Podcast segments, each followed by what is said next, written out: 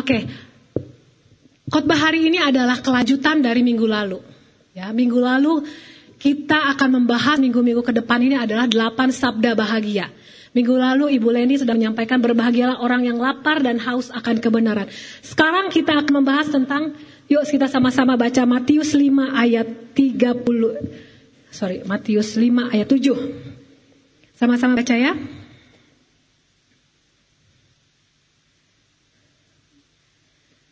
Matius 5 ayat 7. 1, 2, 3. Berbahagialah hati. Karena mereka akan beroleh kemurahan. Ini juga yang tadi saya bagikan di ibadah pertama. Saya ingin tanya, Bapak Ibu ya. Di sini siapa yang memiliki, eh, yang senang dengan kata murah? murah, apalagi ibu-ibu ya. Yang namanya murah itu pasti dikejar. Sama saya juga. Saya paling suka dengan kata murah. Kalau tadi saya ambil contoh ya. Kalau kami ke mall, suami saya langsung ngambil tempat. Saya di kafe ya. Dia nggak pernah ngikut-ngikutin saya gitu, uh, ngikut-ikut jalan-jalan ke mall. Nggak, kamu terserah ke mana, saya tunggu di mall. Nanti jam 7 kita ketemu lagi untuk makan malam bareng. Oke, okay. saya, waduh, kalau udah dibebasin gitu udah kayak ayam lepas dari kandang ya. Uh, nah saya ke mall, udah jam 7 saya belum muncul juga. Suami saya nelpon nggak saya nggak keangkat ya nggak dengar ya. Suami saya nggak usah capek-capek nyari saya. Cari aja di yang tulisan merah, yang ada tulisannya Sale. saya ada di situ. Sale diskon 70 persen, 50 persen.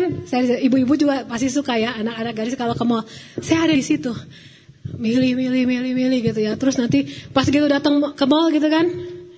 Cari apa bu? Oh enggak. Baju celana enggak. Merek apa? Oh enggak. Karena enggak mau lihat harganya dulu gitu ya. Kalau mau harganya kena, oke okay, baru ngeliat bahan-bahannya. Oh ya bahannya bagus ya. Sekali waktu saya pernah ke mall di Jakarta, tempat yang branded gitu ya. Saya pengen ngelihat ini barang branded kayak gimana, perancang gitu kan. Saya masuk ke itunya dengan PD gitu ya. Dengan PD, waduh petugasnya juga keren pakai jas, blazer ya, ngelayanin saya. Kalau yang barang brand itu nggak ada tag price-nya. Jadi dia nggak uh, ada tag price-nya gitu. Jadi kalau orang kaya itu cuma nunjuk, oh ini saya suka, ini baru bayar gitu ya. Kalau ah, saya di diskon kan, oh 300 ribu diskon 70, oh dapat lah gitu ya, kuat lah gitu duitnya ya. Nah ini kalau kamu enggak, dia tuh harganya tersembunyi, udah saya pakai, waduh, perancang enak banget gitu ya. Terus saya tanya SPG-nya, ini berapa mbak? Oh, uh, ini bagus loh di ibu, cocok ininya pas bentuknya ibu ini 17 juta. Oh. Terus kayaknya kegedean mbak gitu ya. Enggak pas bagus bu. Enggak kegedean harganya. Coba kalau dimurahin biar itu kegedean saya ambil. Biar peduli mau kegedean tapi saya ambil karena harga mau. Tapi kalau harganya mahal nggak jadi cuman nyoba-nyoba doang gitu ya. Nah kita senang sekali yang namanya murah. Tukang sayur beda gope aja ya. Di pasar kita kejar itu. Tukang sayur saya di pasar suci, saya punya langganan udah tiga tahun sama dia. Setiap saya belanja sayur di dia. Gitu ya, dia tambahin. Karena belanjaan saya dua ya kan, saya belanja untuk seminggu kan. Belanja, ditambahinnya kacang panjang, toge, dikasihnya uh, ini suka bu, timur suka, masuk aja pak. Gitu. Setelah selesai, ibu sok belanja ke mana-mana, nanti saya nganterin. Dia lagi yang nganterin ke, ke mobil, saya kasih tips pun dia nggak mau. Nggak bu, nggak bu. Nah itu orang sama yang namanya murah itu suka banget, doyan banget, demen banget. Saya juga senang gitu ya. Tapi sekarang, apakah kita punya murah hati kepada orang lain? Apakah kita murah hati kepada orang? Pasti itu kayak orang tuh langsung apa ya? Langsung tertarik sama kita kalau kita punya sikap yang murah hati. Nah, kita masuk ke slide kedua ya. Kalau dengar kata murah hati, selalu kita identik dengan oh murah, dia murah hati. Berarti orangnya suka menolong, suka memberi, suka apa lagi ya? Suka suka perhatian, seperti itu ya. Di, eh, di kata murah hati orang Indonesia pasti berpikirnya seperti itu. Kalau kita baca ya di Alkitab, saya suka kadang-kadang, oh ingin tahu bahasa aslinya tuh apa ya murah hati ya. Yang mendekatinya tuh kadang-kadang bukan kadang-kadang selalu bahasa Inggris. Bahasa Inggris itu mendekati selalu bahasa aslinya, bahasa Yunani atau bahasa Ibraninya ya. Itu ya orang-orang sekolah teologi ya kayak suami Pak Lukas, uh, Pak Mimpin itu belajar bahasa Ibrani yang apa dasar kata aslinya.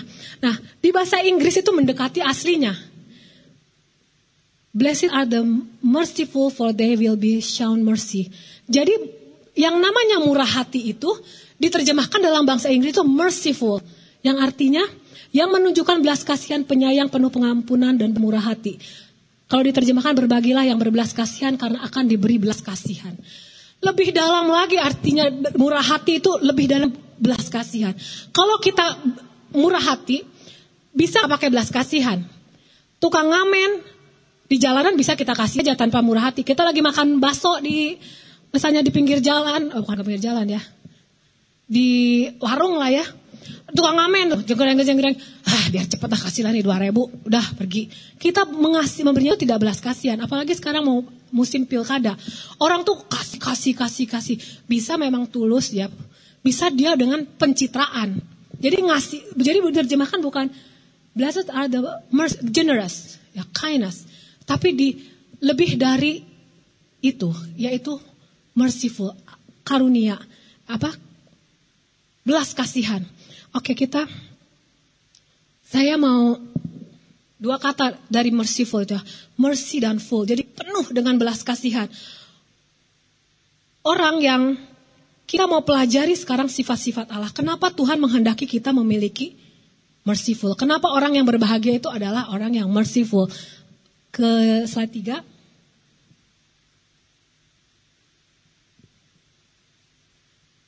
Nih, ada keadilan, ada belas kasihan.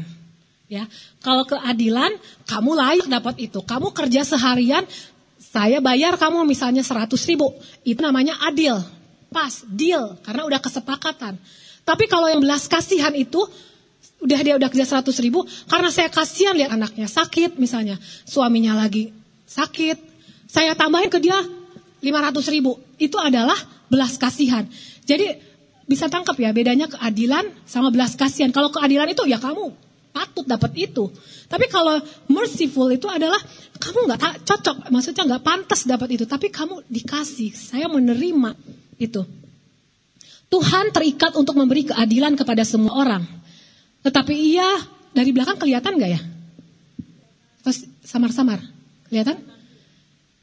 Tetapi ia bebas untuk memberi kemurahan hati ke siapa pun yang ia pilih. Aku akan berkemurahan kepada siapa pun aku berbelas kasihan. Terserah Tuhan kalau masih kasih karunia. Mau kasih belas kasihan. Ayo kita pelajari sama-sama. Kalau Tuhan bicara tentang belas kasihan, selalu dihubungkan dengan orang-orang tertentu. Ya, oke, bisa cahaya cahayanya nggak apa-apa ya, nggak mengganggu yang online ya. Di dalam Matius 9 ayat 17, eh 13 coba dibantu kalian Matius 9 ayat 13.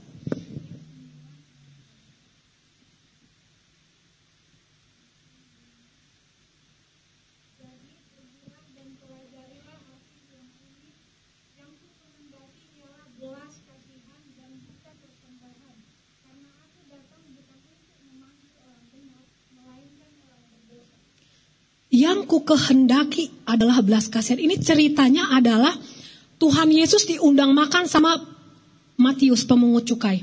Dan Tuhan Yesus ladenin undangannya.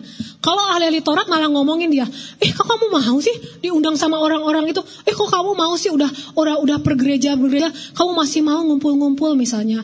Apalah kegiatan-kegiatan yang uh, gak nggak ini maksudnya kegiatan gereja gitu ya. Tuhan Yesus dia mau makan bersama Matius pemungut cukai yang dianggap di sana itu nggak nggak bagus gitu ya. Tapi Tuhan katakan jadi pergilah dan pelajari arti orang-orang ahli Taurat ini dia selalu apa ya pikirannya tuh jangan main bergaul sama itu. Kita itu kita tuh kudus. Kita itu holy, kita itu jangan campur sama orang yang suka ngerugem. Memang kita nggak bergaul ya, maksudnya nggak bergaul, tapi batas itu benar-benar nggak nggak mau gaul lagi sama orang. Udah begitu langsung udah jadi Kristen udah lahir baru. Sama sekali nggak suami saya dulu pernah cerita dia rohani banget ya. Sampai uh, dengar lagu uh, karo gitu ya, merasa itu udah down banget gitu. Kalau karena udah di gereja yang apa namanya aliran keras gitu, jadi yang namanya nonton TV itu tidak boleh, yang namanya dengar lagu karo nggak boleh, yang ikut acara adat nggak boleh, nggak ini nggak boleh, pokoknya harus benar-benar strict ikut itu. Tapi Tuhan Yesus tuh gabung dia tuh sama orang ahli Taurat. Dia mau ngobrol-ngobrol gitu ya. Dia mau ya mungkin kalau dikasih ini yang kalau dikasih minuman ya nggak ikut minum ya, tapi dia mau ngobrol chit-chat gitu ya. Tuhan bilang yang ku kehendaki ialah belas kasihan dan bukan persembahan. Mengerikan kan ini? Yang ku kehendaki ialah belas kasihan dan bukan persembahan. Bukan persembahan yang saya inginkan. Bukan kamu rajin puasa, bukan kamu rajin berdoa, bukan rajin kamu ke gereja ini. Yang Tuhan inginkan belas kasihan. Celaka kita kalau kita tidak punya belas kasihan. Karena yang Tuhan kehendaki adalah apa? Belas kasihan. Kalau itu yang Tuhan cari dan itu tidak kita didapat dalam diri kita, tamatlah riwayat kita. Dia nggak cari apa? Nggak cari persembahan kita, nggak cari perpuluhan kita, nggak cari apa? Dia kasih belas kasihan. Mengapa Selalu dihubungkan orang yang berbekas sama orang yang berdosa. Orang yang kesusahan. Orang yang menderita. Orang yang kelaparan. Orang yang seperti itulah yang Tuhan. Kamu anak Tuhan harus punya belas kasihan. Gak boleh cuek-cuek aja. Itulah sifat Allah. Adalah hendaklah engkau murah hati sama seperti Bapa adalah murah hati. Hendaklah engkau murah hati sama seperti Bapamu adalah murah hati. Bapak Ibu, apa itu sebenarnya murah hati ya? Tuhan itu dikatakan hendaklah engkau murah hati murah hati itu belas kasihan ya karena aku adalah belas kasihan kenapa karena Tuhan itu punya belas kasihan yang besar sekali kenapa dia Allah pencipta langit dan bumi jagat raya waktu itu pernah saya bilang di Yud dari sini ke matahari itu ngabisin berapa ribu tahun jutaan tahun itu cahaya dari matahari sendiri sampai ke bumi itu udah ribuan tahun yang lalu. Cahayanya baru nyampe sekarang kita lihat. Baru kita lihat sekarang cahayanya itu udah ribuan tahun yang lalu. Jarak dari sini adalah ratusan tahun mau ke matahari. Itu Allah yang sebegitu dahsyatnya ya karena dia berbelas kasihan dia kosongkan dia mau turun ke dunia jadi kayak kita debu dan tanah. Dia tahu gimana rasanya lapar. Dia tahu rasanya gimana dicuekin, gimana ditinggalkan, gimana dihina, gimana luka, gimana dia tahu sehingga dia punya belas kasihan. Dia dia tahu manusia bagaimana lemahnya. Kita juga sebagai manusia kalau punya belas kasihan jangan pakai kacamata kita ngejudge orang misalnya gitu ya. Kita nggak tahu karena kita nggak berdiri di, di orang itu. Kenapa orang itu misalnya uh, apa namanya Kenapa orang bolak-balik jatuh dalam dosa, jatuh dalam dosa. Kita langsung ngejat, kamu sih begini-begini, makanya kamu gini. Lah itu kamu kutuk, kamu ini, kamu segala macam-macam. Kamu nggak berdiri di posisi saya ngelihat. Itu namanya belas kasihan kita nyelamin orang itu seperti apa tuh. Ini kayak waktu saya adik saya meninggal ya. Itu ada yang membangun, ada yang menghibur, ada juga yang menjudge. Yang menjudge, bah itu mah di bawah kutuk. Itu mah anak Kuasa kegelapan dulu mungkin orang tuanya gini, oh ini begini gini. Lupa empati sama orang. Ya, kita ngesen ngesen kirim misalnya turut berduka cita apa ya eh, kan kalau misalnya bela sungkawat tanpa empati gitu. Kirim aja uh, Tuhan memberi kekuatan baru-baru ini teman suami ya teman deket orang api suaminya dipanggil Tuhan. Itu saya sampai mikir sampai berapa hari saya nanya ke suami saya aduh kasihan ya jadi istrinya anak meninggal karena covid ya. Masih muda masih melayani. Gimana pasangan itu ya? Pasti dia hancur ya. Pagi itu saya mengambil posisi berdiri di mana ibu itu mengalami. Itu namanya belas kasihan. Belas kasihan itu kita ada di posisi itu kita lihat orang itu. Kenapa? Nah Tuhan itu dia makanya Tuhan bilang Hendaklah engkau belas kasihan. Karena Tuhan itu ngerti sekali yang namanya jadi manusia kayak gimana. Yang namanya lapar dia tahu. Kenapa tema ini begitu penting hari-hari ini? Karena belas kasihan udah mulai hilang dari dari Indonesia. Dari dunia. Yang berita-berita di, di WhatsApp, berita-berita di FB, Instagram. Kadang-kadang berita-berita yang mengerikan ya. Berita-berita berita-berita yang apa ya, yang sadis, cerai, uh, apa namanya, membunuh, saling berkelahi, segala macam seperti itu ya. Itu berkasihan. Sampai ada berita di di China, orang anak kecil dia ditabrak di jalan, jeger, jatuh. Terus ada lari itu orangnya kan, yang nabrak. Terus uh, ada orang naik mobil juga, dia ambil dia bawa ke rumah sakit. Dia ini tolong dia. Yang dituntut itu orang yang bawa ke rumah sakit.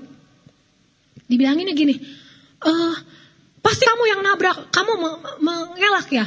Gak mungkin ada zaman sekarang orang yang mau repot-repot bawa ini, bawa orang kalau bukan kamu yang pelakunya. Jadi standar orang tuh kalau kamu uh, kalau kamu baik itu ada maunya, baik itu ada ada kepentingannya, ya enggak? Mau baik itu ada ada udang di balik batu.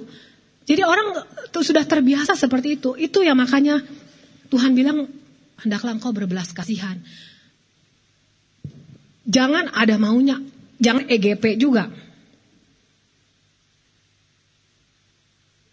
Waktu kita dipanggil Tuhan, kita berdiri di hadapan Tuhan, kita nggak ditanya sertifikat baptisan mana, gitu ya. Sertifikat baptisan mana? Udah ngasih perpuluhan rajin nggak? Atau apa ya pertanyaan nggak? Pertanyaannya adalah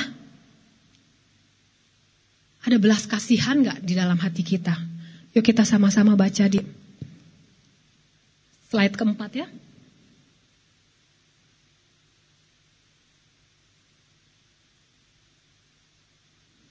Nah, ini slide keempat.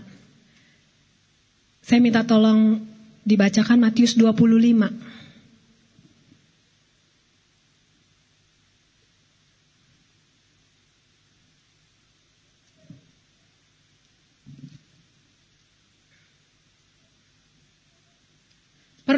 Penghakiman terakhir. Ya, ini judulnya adalah penghakiman terakhir. Apa yang pada saat penghakiman terakhir yang ditanya Tuhan kepada kita? Tidak ditanya tadi sertifikat kamu mana, kekayaan kamu mana, enggak. Di ayat 35. Sebab ketika aku lapar, kamu memberi aku makan. Ketika aku haus, kamu memberi aku minum. Ketika aku seorang asing, kamu memberi aku tumpangan. Ketika aku telanjang, kamu memberi aku pakaian. Ketika aku sakit, kamu melawat aku. Ketika aku di dalam penjara, kamu mengunjungi aku. Maka orang orang benar itu akan menjawab, dia katanya, Tuhan, bila manakah kami melihat engkau lapar, dan kami memberi engkau makan atau haus, dan kami memberi engkau minum? Bila manakah engkau kami melihat engkau sebagai orang asing dan kami memberi engkau tumpangan atau telanjang dan kami memberi engkau pakaian? Ya seterusnya. Lalu ayat 40 dan raja itu akan menjawab mereka, Aku berkata kepadamu sesungguhnya, segala sesuatu yang kamu lakukan untuk salah seorang dari saudaraku yang paling hina ini, kamu telah melakukannya untuk aku. Pada saat pengadilan terakhir, yang Tuhan itu, kamu punya belas kasihan enggak? Kamu punya belas kasihan gak? Waktu aku lapar, kamu kasih aku makan. Waktu aku haus, kamu kasih minum. Waktu aku telanjang, kamu kasih beri tumpangan. Atau kamu sebodoh aja. Orang yang ini ya, yang dienyahkan yang padam. Dan dan mereka akan masuk ke tempat siksaan yang kekal. Ini orang yang gak, gak peduli. Ini uh, saya ambil ya, saya cuplik gambar-gambarnya. Dua area belas kasihan. Jadi dua kas, belas kasihan itu ada dua. Satu memberi, pemberian dorongan hati untuk memberkati dan menolong sesama dengan cara membagikan sumber daya yang kita miliki. Ini sebelah kiri ini. Jemaat mengunjungi yang sakit, mendoakan. Gak hanya itu memberi juga, patungan. Mendoakan yang sakit. Yang ini apa? Homeless, melayani gelandangan, kasih uang, kasih makan. Tahu gimana lapar? Saya pernah ke, apa ya bahasa kalau lumben ya. Lumben ya. Gak makan itu saya gak bisa tidur tau gak? Saya waktu itu kelaparan, tapi udah tanggung ya jam satu malam gitu kelaparannya. Aduh mau ke bawah makan males mungkin. Ya udah tahanin, tapi nggak bisa tidur sampai subuh. Nah ini lapar. Ini orang gelandangan ini kita bisa bayangkan setiap hari nahan lapar, nggak pernah susah tidur kedinginan. Yang di ini waktu awal, -awal pandemi jemaat ada yang memberikan donasi untuk kasih makan jemaat tidak hanya berbentuk uang ya, bisa juga buat skill. Kita punya talenta apa? ini Bang Freddy, Bang, Bang Edi ngajarin atau pengamen kali ya. Atau pinggir-pinggir jalan gitu. Tangga atau siapa. Dikumpulin diajarin main musik, ngejembar. Itu adalah suatu skill. Kamu bisa skillnya apa? Misalnya bahasa Inggris. Ajarin bahasa Inggris. Bisa misalnya uh, skill apa? Kasih ke orang gitu. Bagikan ke orang. Apa yang itu? Jadi apa yang sumber daya punya kamu? Kamu dikasih, kasih, bagi-bagikan ke orang. Itu namanya belas kasihan. Pemberian. Jangan uh, apa ya ah biarin aja aku aja nggak cukup mau ngurusin orang lagi saya ajak keluarganya berberes mau ngurusin orang lagi nggak bapak ibu yang Tuhan tuntut dari kita adalah belas kasihan memberi di slide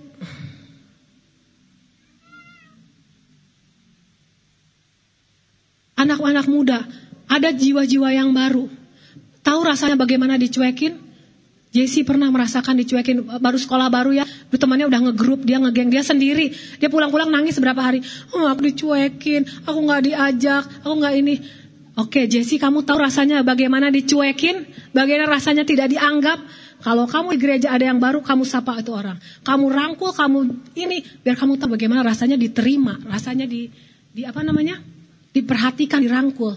Makanya kita harus apa ya ramah, harus apa yang bisa kita punya tuh kasih loh ke orang gitu. Jangan didiem-diemin aja.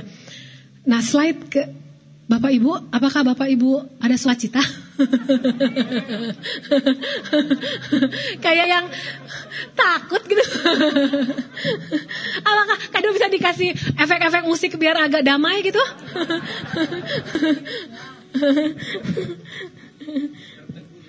oh, oh gitu. Kirain kirain ngantuk. Serius ya?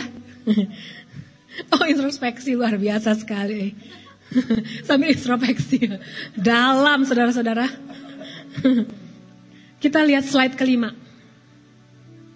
Nah, pengampunan. Yang belas kasihan itu ada dua hal. ya. Yang pertama adalah pemberian. Itu namanya kita belas kasihan. Memberi dengan apa yang kita punya. Yang kedua adalah pengampunan. Sikap hati yang tidak menghakimi melainkan tetap mengeluarkan tangan ketika seorang tidak melakukan yang benar dan adil. Waduh, ini luar biasa nih ceritanya.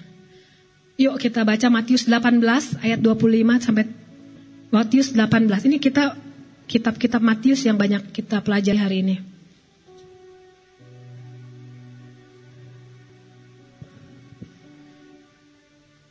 Nah, ini ini ceritanya kalau kita baca di rumah nanti dengan teliti, dengan lebih santai gitu bacanya, ini luar biasa.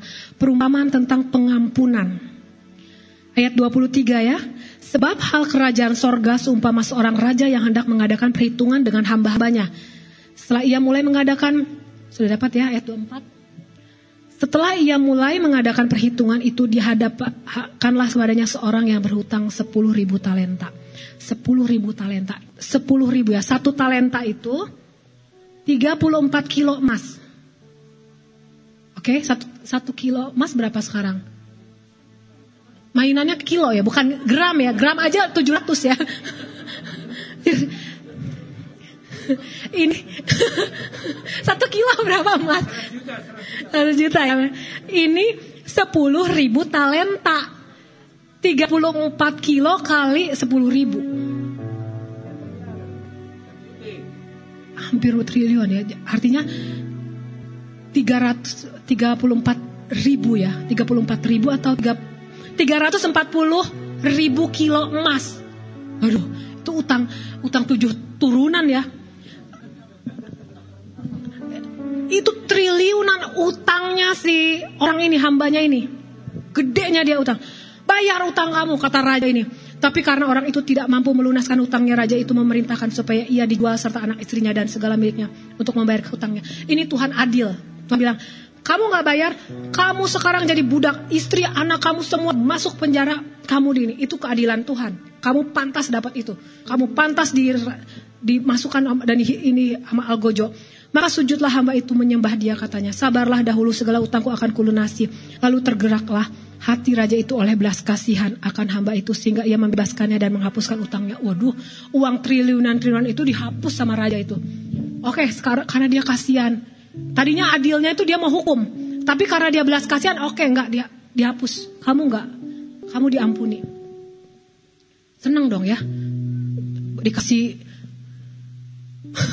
Pak Bibi dikasih satu M gimana rasanya? satu manuk.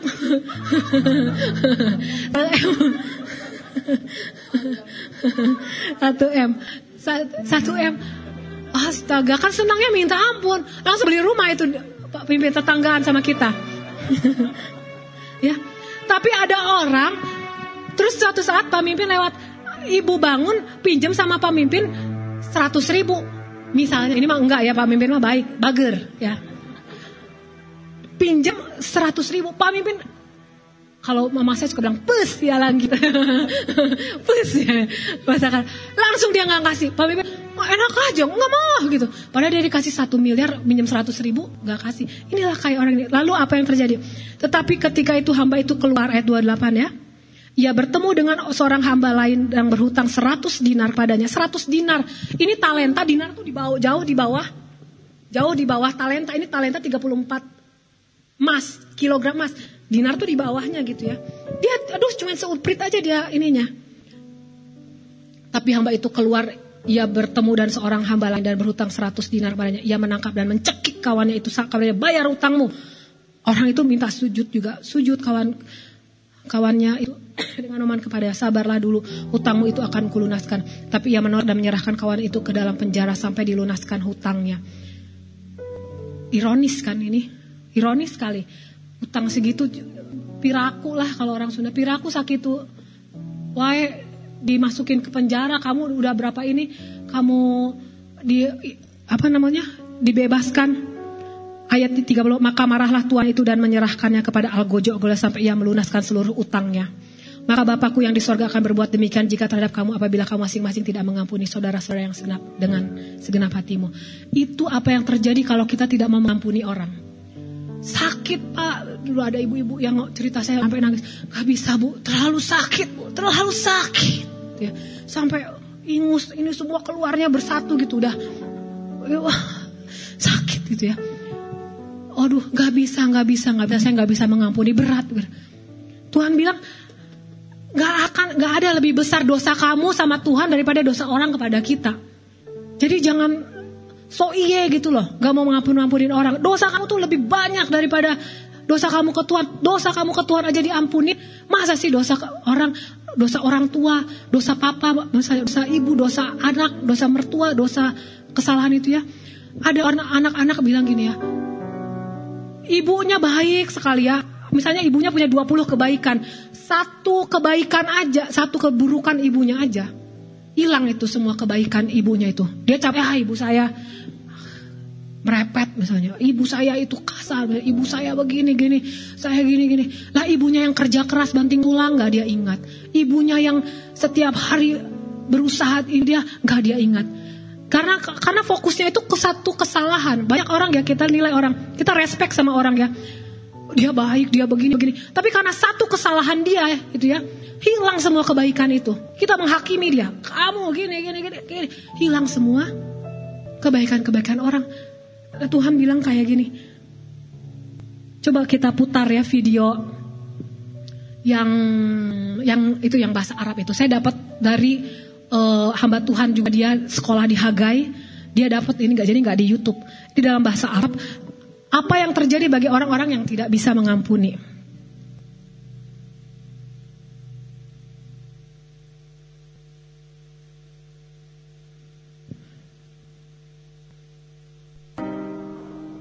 أنا عمري ما هسامحك tidak عمري. افكار جموتيه أنا عماله اعتذر لك بقالي كتير. من فضلك سامحيني. أنا عمري ما هسامحك على اللي عملتيه عمري. ميرا من فضلك سامحيني. أنا عمالة اعتذر لك من فضلك ما تحاوليش.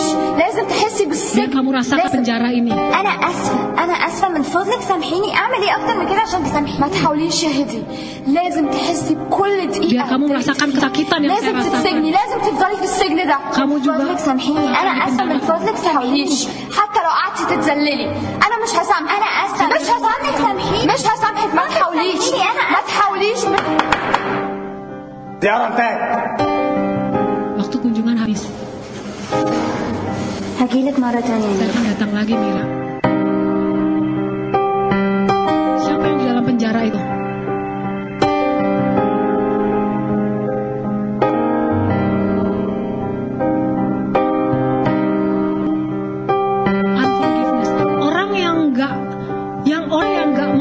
Itulah yang di dalam penjara. Ya, Bapak Ibu, kalau kita tidak bisa mengampuni kita yang dalam penjara, kita pikir biar tahu rasa kamu ya, biar kamu rasakan apa yang saya sakit, pedih yang saya rasakan, biar kamu tahu balas kamu. Ternyata yang menderitanya malah kita, yang malah tersiksanya malah kita. Itu ibaratnya tuh kayak begini loh. Kita tuh kan pahit hati ya, pahit hati tuh nyimpan sesuatu yang baik, yang bau gitu ya. Simpen aja misalnya makanan seafood cumi-cumi ya. Cumi-cumi yang udah bau ya, udang, simpen sehari. Eh jangan sehari, sejam dua jam itu lalat, zrrrt, ya. Biarin satu satu hari belatung masuk. Biarin lagi berapa hari, apalagi nggak yang masuk ya, tikus apa semua, semuanya sakit penyakit masuk. Kalau kita nyimpen kepahitan, nyimpen amarah gitu ya, nyimpen eh itu tuh kita nyimpen penyakit gitu loh. Kita kayak eh, ada private invitation. Ayo silakan diundang gitu. Kuman-kuman masuk, masuk, masuk, masuk. Silakan. Iblis, iblis masuk. Bisa bisa jadi jadi sakit, bisa jadi bisa jadi apa misalnya migrain, aduh, sesak napas, cancer atau apa pun. Memang bukan cancer, bukan aja itu ya penyebabnya, tapi bisa segala macam penyakit imun turun, segala penyakit masuk. Kalau kita tidak bisa mengampuni. Seperti apa ya minum racun setiap hari gitu. Kita pikir orang itulah biar tahu rasa lu nggak saya mampunin dia biar kamu tahu minum racun. Ternyata kita yang minum racun lama-lama kita mati. Makanya dibilang tadi di sini ya akan menyerahkan ke algojo algojo. Ya di ayat ini dibilang apa tadi? Karena kamu nggak mau mengampuni aku kamu akan diserahkan ke algojo algojo. Sampai kamu bayar hutang kamu. Artinya apa? Kalau kita nggak bisa mengampuni, algojo algojo itu hantam kita terus. Nah, algojo kita apa? Iblis. Iblis hantam terus kita sampai kamu bisa mengampuni. Algojo itu terus. Bapak Ibu, waktu itu ada psikolog bilang ya, psikolog rohani dia bilang, kalau kamu ingat satu nama, misalnya namanya si Oh, Olan, jangan. Yang ada di sini deh. Misalnya Oleh ya, Mang Oleh misalnya ya. Dading Mang Oleh. Kasih Oleh. Begitu keluar nama Mang Oleh, bukan Odading. Yang keluar tuh kita tuh, oh dia itu pernah nipu saya, udah gitu dia ngegosipin saya, dia sebarin yang kayak gitu. Ini orang si Mang Oleh ini harus dimasukin penjara. Setiap kata ada kata oleh, kita tuh langsung geram. Besoknya lagi gitu, oleh jangan sebut nama-nama oleh di ruangan ini. Harus pokoknya jangan sebut namanya di tempat ini. Itu sama aja kita tuh apa ya nyakitin diri sendiri. Apa yang harus Tuhan katakan di sini? Ayat 21. Tuhan sampai berapa kali aku harus mengampuni saudara jika ia berbuat terhadapku sampai tujuh kali kah? Yesus berkata, bukan, aku berkata kepadamu, bukan sampai tujuh kali, melainkan sampai tujuh puluh kali tujuh kali. Waduh, tujuh puluh kali tujuh. Ya. Jadi setiap kali nama oleh, Tuhan, aku sakit hati Tuhan. Gara-gara oleh itu. Dia sudah jujur sama Tuhan. Jangan bilang, oh enggak, enggak, enggak sakit. Udah, saya mah hamba Tuhan, gak boleh sakit hati. Saya mah hamba Tuhan, saya orang Kristen, gak boleh sakit hati. Do- do- dosa itu gak boleh. Gak bisa gitu, itu tuh, tapi harus terbuka. Jujur, Tuhan saya sakit hati sama dia. Dia begini-begini saya, dia fitnah saya, dia dia dia apa begini-begini saya.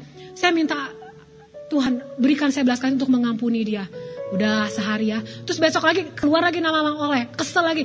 Ngomong lagi. Sampai terus. Kalau sampai mau 70 kali bilangin terus sampai itu tuh kalau ada sebut nama Mang Oleh kita tuh fine-fine aja. Gitu ya. Gak ada kenapa-kenapa tuh kalau nama Oleh. Itu udah udah bersih. Karena Tuhan bilang kalau kamu tidak bisa mengampuni, kamu itu dipertanyakan keselamatannya. Iya enggak? Kamu itu udah benar terima anugerah Tuhan. Kok kamu udah udah benar kamu terima seribu talenta emas? Cemen gini cuma seribu dolar aja, eh seribu dolar, seribu dinar aja, kamu kok nggak mau maafkan? Berarti kamu belum terima itu keselamatan. Kalau orang yang tidak mau mengampuni, jangan cerita dulu keselamatan. Kamu belum diselamatkan karena kamu belum terima the real of forgiveness dari Tuhan. Belum terima pengampunan dari Tuhan sehingga kamu tidak mengampuni. Gampang ngomongnya ya, saudara-saudara. Saya juga belajar sama-sama gitu ya. Kadang-kadang uh, apa? Gampang untuk menghakimi orang. Ya, saya gampang menghakimi orang. Lihat orang itu, ya, ya, misalnya dia ada satu jatuh dan merasa, ya gitu jatuh begini begini begini. Kita tuh gampang aja menghakimi orang. Kenapa kayak gitu keluarganya begini? Oh iya, dan memang dia mah begini begini, pantesan aja gini gini gini kita gampang aja nggak nggak menyelami. Karena kita nggak ada berdiri ada istilahnya kalau di orang itu apa berdiri di di sepatu orang itu gitu. Ada ada istilahnya kalau ini ya.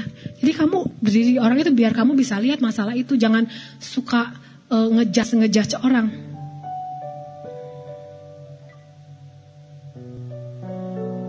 Karena tadi udah saya bilang karena 10 kebaikan orang gara-gara itu orang satu salah kita hilang gitu ya hilang respect kita. Yang terakhir, ini tadi ya, tanda itu menghakimi orang, nuduh-nuduh orang. Kita nggak, ah, kita jauhin aja dia misalnya, kita nggak nggak teman, jangan deket-deket sama dia, karena dia orangnya gini. Itu nanti uh, apa namanya transfer rohnya, istilahnya transfer rohnya. Nah, next berikutnya. Nah, ini yang terakhir. Menerapkan belas kasihan. Ini di kitab Lukas 10. Orang Samaria yang murah hati. Orang Samaria yang penuh belas kasihan. Ayat 25 ya. Lukas 10 ayat 25. Pada suatu kali berdirilah seorang ahli Taurat untuk mencoba Yesus katanya, Guru, apa yang harus kuperbuat untuk memperoleh hidup yang kekal? Ahli Taurat tanya kepada Tuhan Yesus bagaimana cara hidup yang kekal. Ini hidup yang kekal loh.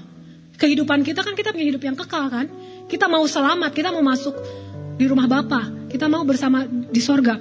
Tuhan dia tanya ke Tuhan, Gimana caranya saya hidup kekal? Jawab Yesus kepadanya. Oke, okay, Tuhan ikutin apa, ikutin permainan orang ahli Taurat. Apa yang tertulis dalam kitab Taurat? Apa yang kau baca di sana? 27 jawab orang itu, kasihilah Tuhan Allahmu dengan segenap hatimu dan dengan segenap jiwamu dan dengan segenap kekuatanmu dan dengan segenap akal budimu dan kasihilah sesamamu manusia seperti dirimu sendiri. Kata Yesus kepadanya, mantul, jawabanmu itu benar Berbuatlah demikian maka engkau akan hidup. Wah Tuhan bilang benar, benar, benar, benar. Itu jawabannya benar. Tapi orang ini belum puas. Tapi untuk membenarkan dirinya, orang itu berkata kepada Yesus, "Dan siapakah sesamamu manusia?" Jawab Yesus.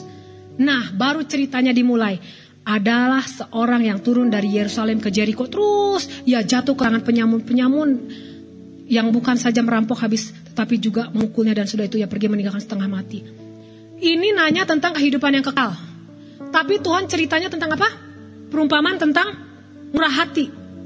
Jadi kalau mau kita hidup yang kekal, perhatikan bagaimana orang Samaria ini. Karena Tuhan kasih tahu, kamu mau hidup kekal, ini apa yang dilakukan oleh orang Samaria ini? Murah hati. Kebetulan ada seorang imam turun melalui jalan itu, ia melihat orang itu tapi ia melewatnya dari seberang jalan. Ini orang orang rohani ini. Rohani banget. Terus nggak di sini, nggak di sini. Di mana mana, di sana lah, nggak tahu lah. Kebetulan ada seorang imam turun melalui jalan itu melihat orang itu, dan tapi yang melewati ada sebelah. Ngeliat doang, ngeliat. Tapi nggak ada gerakan sedikit pun, gak ada gerakan-gerakan, cuman ngeliat doang. Oh, gitu. Oke, ngelengos aja. Itu ahli Taurat. Orang-orang yang rohani. Demikian juga orang seorang Lewi datang ke tempat itu ketika ia melihat orang itu ia melewatkan dan seberang jalan. Ini worship leader, pemain musik. Enggak, enggak, enggak di sini. Sini. Orang Lewi datang di tempat itu ketika ini pemimpin pujian atau semua ngelengos aja ngelihat. Tuhan itu pakai belas kasihan itu pakai panca indera kita gitu. Dia dia tunjukin sama kita, nih ada kasus begini. Oh kita ngelengos gini, nggak lihat nggak lihat nggak lihat, ya. Lalu demikianlah juga uh, oke okay, 33 lalu datang seorang Samaria yang sedang dalam perjalanan ke tempat itu dan ketika ia melihat orang itu tergeraklah hatinya oleh belas kasihan. Orang Samaria ini nggak di, dianggap di di Israel ya. Karena dia campuran gitu kan. Gak pure anak Abraham Israel, anak Israel gitu ya. Campuran, gak dianggap.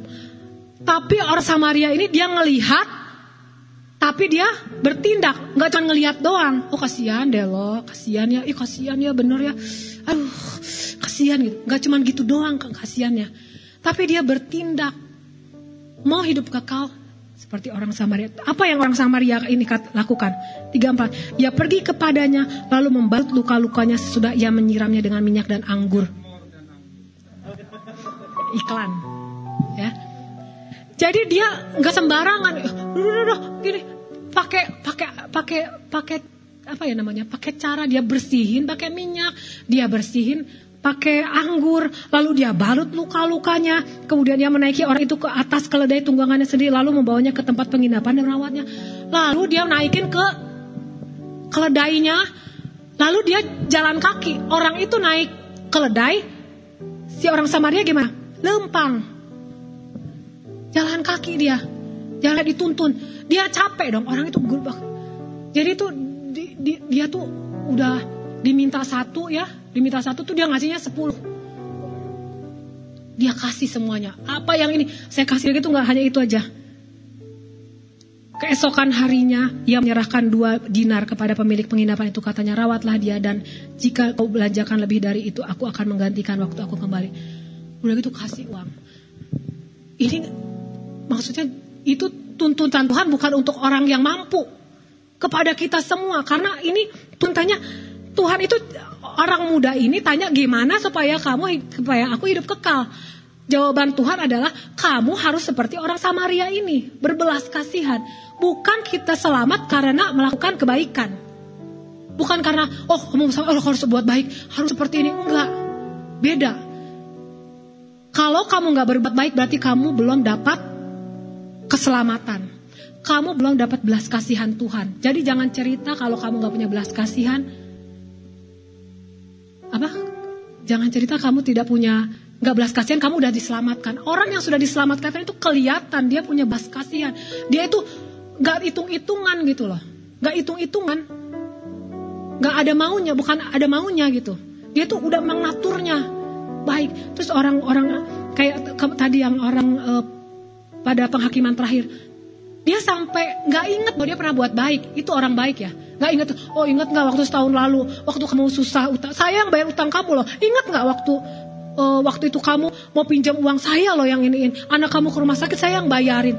Gak inget-inget sama dia sampai sampai orang itu bilang kapan ya Tuhan ya aku tuh buat baik aku tuh nggak inget loh karena naturnya tuh buat baik buat baik buat belas kasihan seperti itulah orang yang Tuhan cari itu yang Tuhan kehendaki hendaklah engkau belas kasihan karena aku Bapak yang belas kasihan itu yang kita miliki belas kasihan. Tadi pengampunan dan pemberian pengampunan tidak menghakimi orang. Karena kalau kita terlalu keras, maksudnya kita tuh menghakimi orang, ya. Pada saat kita jatuh, kita nggak terus-terusan sempurna ya. Ada kalanya kita jatuh ya. Orang itu nggak akan belas kasihan sama kita. Orang tuh akan syukurin loh gitu. Syukurin makanya. Tapi kalau kita berbelas kasihan sama orang aduh. Aduh kamu ya apa yang bisa saya doakan? Apa yang bisa saya doakan? Apa yang saya saya bantu? Apa yang bisa ini? Oke oke saya ini saya bisa bantu. Orang nggak ada yang nolak agama lain. Ada yang mau gitu uh, kalau misalnya oh saya mau injili kamu orang pasti eh no no no no jangan injili saya tapi ada yang bisa saya doain ya saya bantu dalam doa orang pasti mau ya didoain ya itulah empati kita gitu ya tapi kalau kita langsung kayak orang Farisi ini, orang Taurat ini, dia jahat orang, begitu kita jatuh, orang itu malah karena ukuran yang kau pakai itu akan apa? Pengadilan yang tidak berbelas kasihan kepada orang yang tidak punya belas kasihan. Orang yang gak punya belas kasihan akan dihakimi dan tidak belas kasihan. Makanya kita harus berbelas kasihan. Amin Bapak Ibu. Puji Tuhan.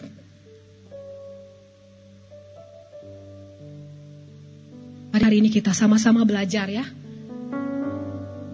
Miliki belas kasihan. Karena itu yang Tuhan mau. Yang Tuhan kehendaki dalam hidup kita adalah beras, berbelas kasihan kepada orang. Amin, mari sama-sama kita puji Tuhan. Terima kasih Pak buat responnya. Belas kasihanlah sama saya Pak. Bilang amin Pak sama saya.